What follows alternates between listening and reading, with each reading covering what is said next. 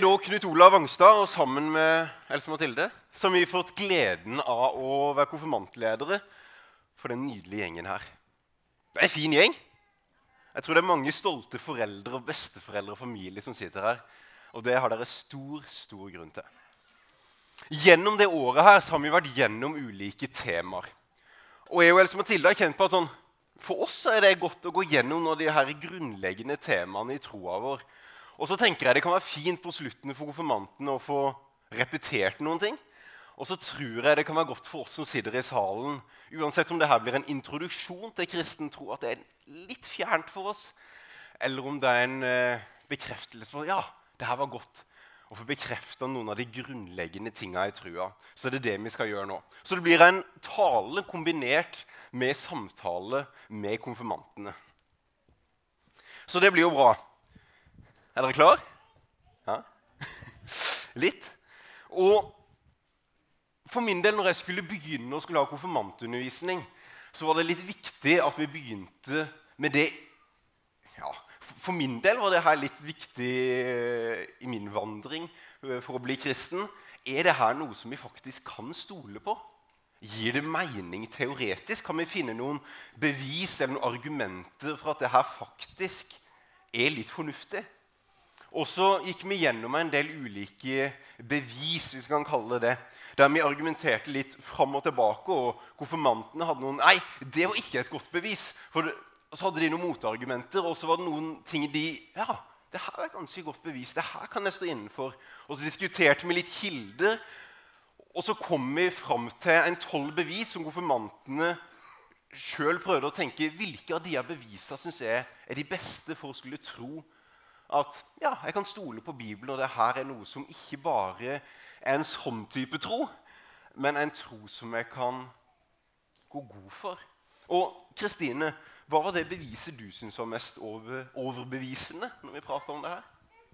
Jeg syns det beste beviset var at alle disiplene og Jesus sin bror Judas var villige til å gi sitt eget liv for det de trodde på. De hadde jo skjønt om Jesus ikke var Guds sønn, og jeg hadde ikke valgt å bli torturert og drept for en løgn. Og det tror jeg ikke, tusen, det tror jeg ikke disiplene og tusenvis av mennesker etter de heller ville gjort. De må ha sett at Jesus levde og trodd at dette var verdt å gi livet for. Derfor kan vi tro på at Bibelen er Guds ord, tro at han sto opp fra de døde, og tro at det, tro at det er sant det Jesus sier i Johannes evangeliet, kapittel 14, vers 6 og 7. Jeg er veien, sannheten og livet. Ingen kommer til far uten ved meg. Så bra.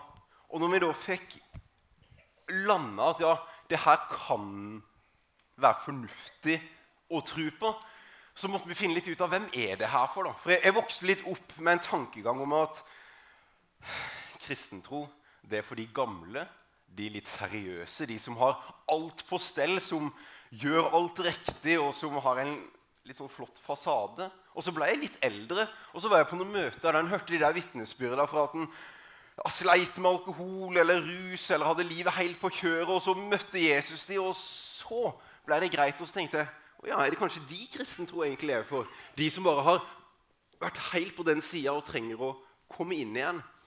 Og så leste vi i Lukas 15 om den sønnen som vendte tilbake. Og i den fortellinga er det to sønner. Det er en yngstebror og en eldstebror.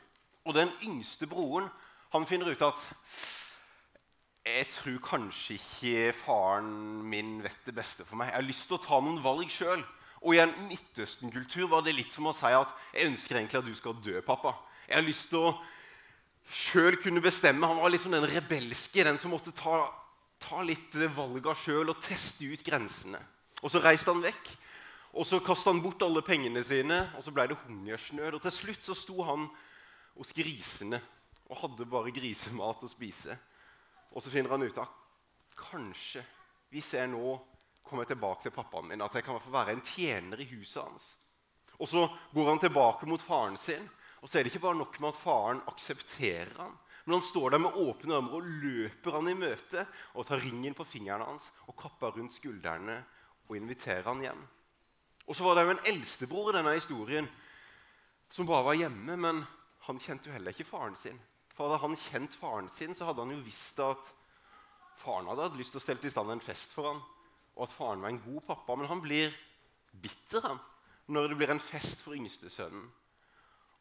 Og så fant vi litt ut av den historien at her er to karakterer. Ingen kjenner egentlig pappaen sin, men her har vi en litt opprørsk som må teste ut. Og så har vi en som alltid gjør leksene uten å bli mast på. En som alltid er pliktoppfyllende, alltid er flink, alltid gjør det rette.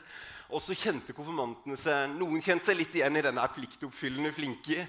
Og så har noen som kjente seg litt igjen i den er nødt til å teste litt grenser. Og så så vi at det det egentlig handler om, det er å kjenne pappaen sin. Og at kristen tro er ikke bare for denne gruppa med mennesker eller denne gruppa med mennesker. Men Jesus inviterer alle. Han står med åpne armer for alle. Så hvis du skulle sagt noe om det, Birger, hvem kristen tro egentlig er for, hva ville du sagt da? Det er for alle. Timoteus kapittel 2 vers 4 står det Han vil at alle mennesker skal bli frelst og lære sannheten å kjenne. Det er både for de som er mest som den yngste broren, de som tester grenser og går egne veier, og for de som er mest som den eldste broren, pliktoppfyllende og flink. Det avgjørende er at vi blir kjent med Gud, sånn at vi skjønner at Han ønsker det best for oss. Og Han har ikke gjort det vanskelig for oss. Vi kan lese i Johannes evangeliet, kapittel 1, vers 12. Alle som tok han imot, dem ga han rett til å bli Guds barn, de som tror på hans navn. Ok, Så da vet vi at Bibelen kan vi stole på. Og det gjelder alle mennesker. Og da må vi finne ut av ja, men, hva er det da vi skal tro på. Og når Paulus, han som skrev mesteparten av Bibelen, reiste rundt, og han traff kristne, så står det i en bok i Bibelen som heter 'Apostlenes gjerning', at han la grunnvollen i troa di sin, og så reiste han videre. Han konsentrerte seg om noe av det som var det sentrale. For vi kristne kommer alltid til å være uenige om mange ting. Om hvordan vi skal gjøre møtene, om hvordan vi skal synge. hvordan vi skal... Og så er det noen ting som er det sentrale i troa vår. Så Sondre, hva vil du si er det grunnleggende og det sentrale i vår kristne tro?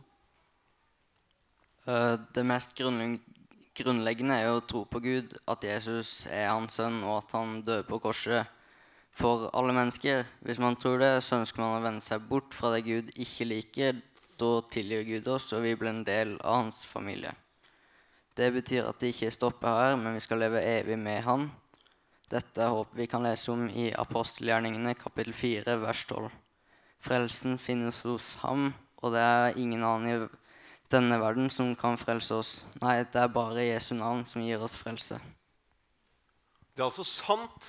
Det gjelder alle mennesker, og det handler bare om å tro. Men er ikke det litt sånn der høytsvevende, fjernt? Camilla, Åssen kan vi nærme oss det å skulle tro på Gud? Å tro på Gud er å bli kjent med Gud som en himmelsk pappa. Gjennom Bibelen lærer vi om Jesus, og han viser oss hvordan Gud er.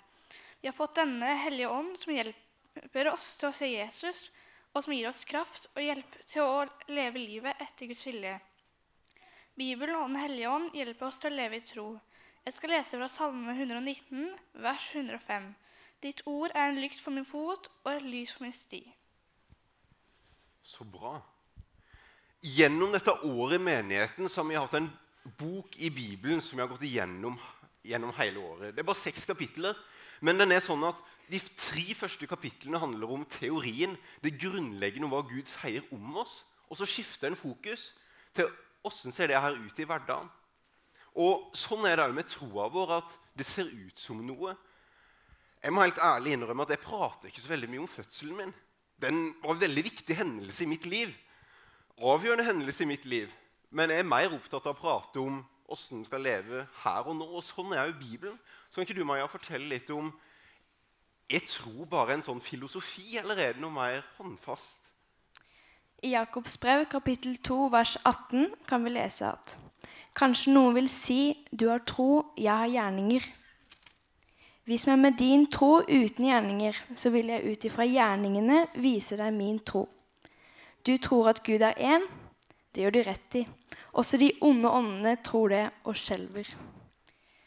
Når vi tror på Gud, så påvirker det livet vårt. Og når vi sier at vi elsker Gud, så viser vi det ved å elske menneskene rundt oss. Jesus sier selv i Matteus kapittel 3, vers 8.: Bær da frukt som svarer til omvendelsen. Så kristentro ser altså ut som noe. Og så merker nok alle på det at ja, det er en viss standard for hvordan en skal leve, kanskje. Men så er det ikke så lett. Ønsker jeg kanskje å gjøre det, og så gjør den det allikevel. Har vi noe hjelp i denne prosessen, Stina? Hvordan Ja. Når vi tror, får vi tilgang til Den hellige ånd. Han er tredjeperson av Gud. Gud er Faderen, Sønnen og Den hellige ånd. Den hellige ånd er vår hjelper. Han hjelper oss med å lese Bibelen og skal lære oss hvordan vi kan bli mer lik Jesus. Jeg leser fra Johannes evangeliet kapittel 14 vers 25. Jesus sier, men talsmannen, Den hellige ånd, som far skal sendes i mitt navn, skal lære dere alt og minne dere om alt jeg har sagt dere. Og i Johannes evangeliet kapittel 16 vers 8 står det Når Den hellige ånd kommer, skal han overbevise verden om at den har synd, om at det finnes rettferdighet, og at det skal finnes en dom fra Gud. I vers 14 sier Jesus, Jeg skal forklare ting for dere og lede dere til hele sannheten. Kult. Vi har altså en hjelper som kan hjelpe oss der. det. Altså, dette er ikke en, sånn, en greie en bare skal gjøre sjøl. Men fortsatt så kan vi jo ikke se det. Åssen virker det her? Eh, Hvordan kan vi spørre om hjelp, f.eks., Bendik? I Matteus kapittel 7, vers 7-8 står det Be, så skal dere få. Let, så skal dere finne. Bank på, så skal det lukkes opp for dere. For den som ber, han får. For den som leter, han finner. For den som banker på, skal det lukkes opp for. Bønn er Guds metode for å få oss til å bli med på det Gud ønsker å gjøre. Bønn er det samme som å snakke med Gud. Eh, Det er noe vi kan gjøre akkurat når vi vil, og han har lovet oss å høre. Vi kan lese fra Jakobs brev, kapittel 5, vers 16. Et rettferdig menneskets bønn er virksom og utretter mye. Så bra. Men fortsatt så høres det her ut som noen kan sitte på gutterom eller jenterom og, og drive med alene. Og jeg syns det høres litt ensomt ut. Litt sånn, Er dette bare en sånn personlig greie? Eller Jan Henrik, hva tenker Bibelen om det her? Jesus, Jesus lærer oss at det ikke går an å elske Gud uten å elske mennesker. Vi kan lese fra Johannes evangeliet kapittel 13 vers 24 og 35. Som jeg har elsket dere, skal dere elske hverandre. Ved dette skal alle forstå at dere er mine disipler, at dere har kjærlighet til hverandre. Det betyr at kristenlivet ikke er bare personlig, men noe som skal leves ut i fellesskap til hverandre. Paulus sammenligner det med en kropp. Mange deler. Vi trenger alle delene for at kroppen skal fungere. Vi trenger også hverandre for at kirka skal fungere.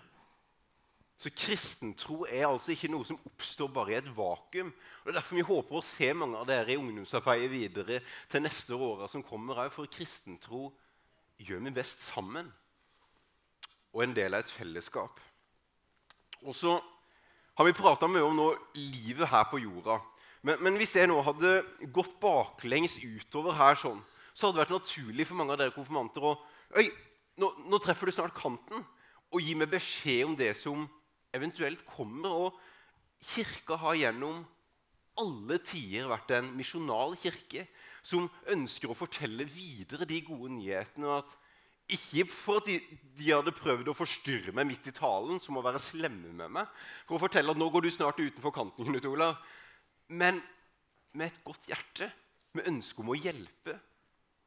Og sånn har kristentro alltid vært. Når vi tror på en Gud som sier at det er én vei til Gud, at Jesus er veien, sannheten og livet, og ingen kommer til far uten ved han, så derfor er det noe som vi av kjærlighet ønsker å skulle dele videre på en god og på en raus måte. Så hva, er det egentlig Bibelen sier om eh, misjon ved meg?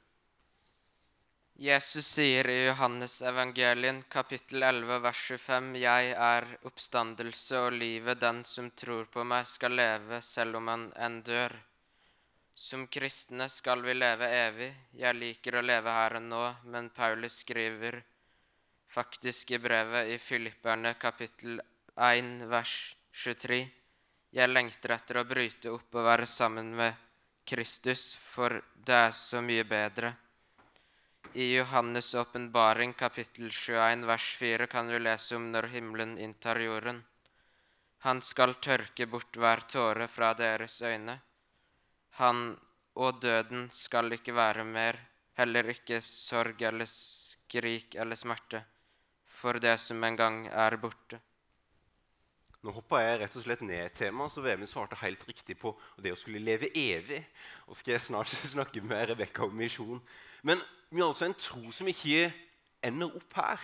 Dette livet vi lever på jorda, er ikke endestasjonen.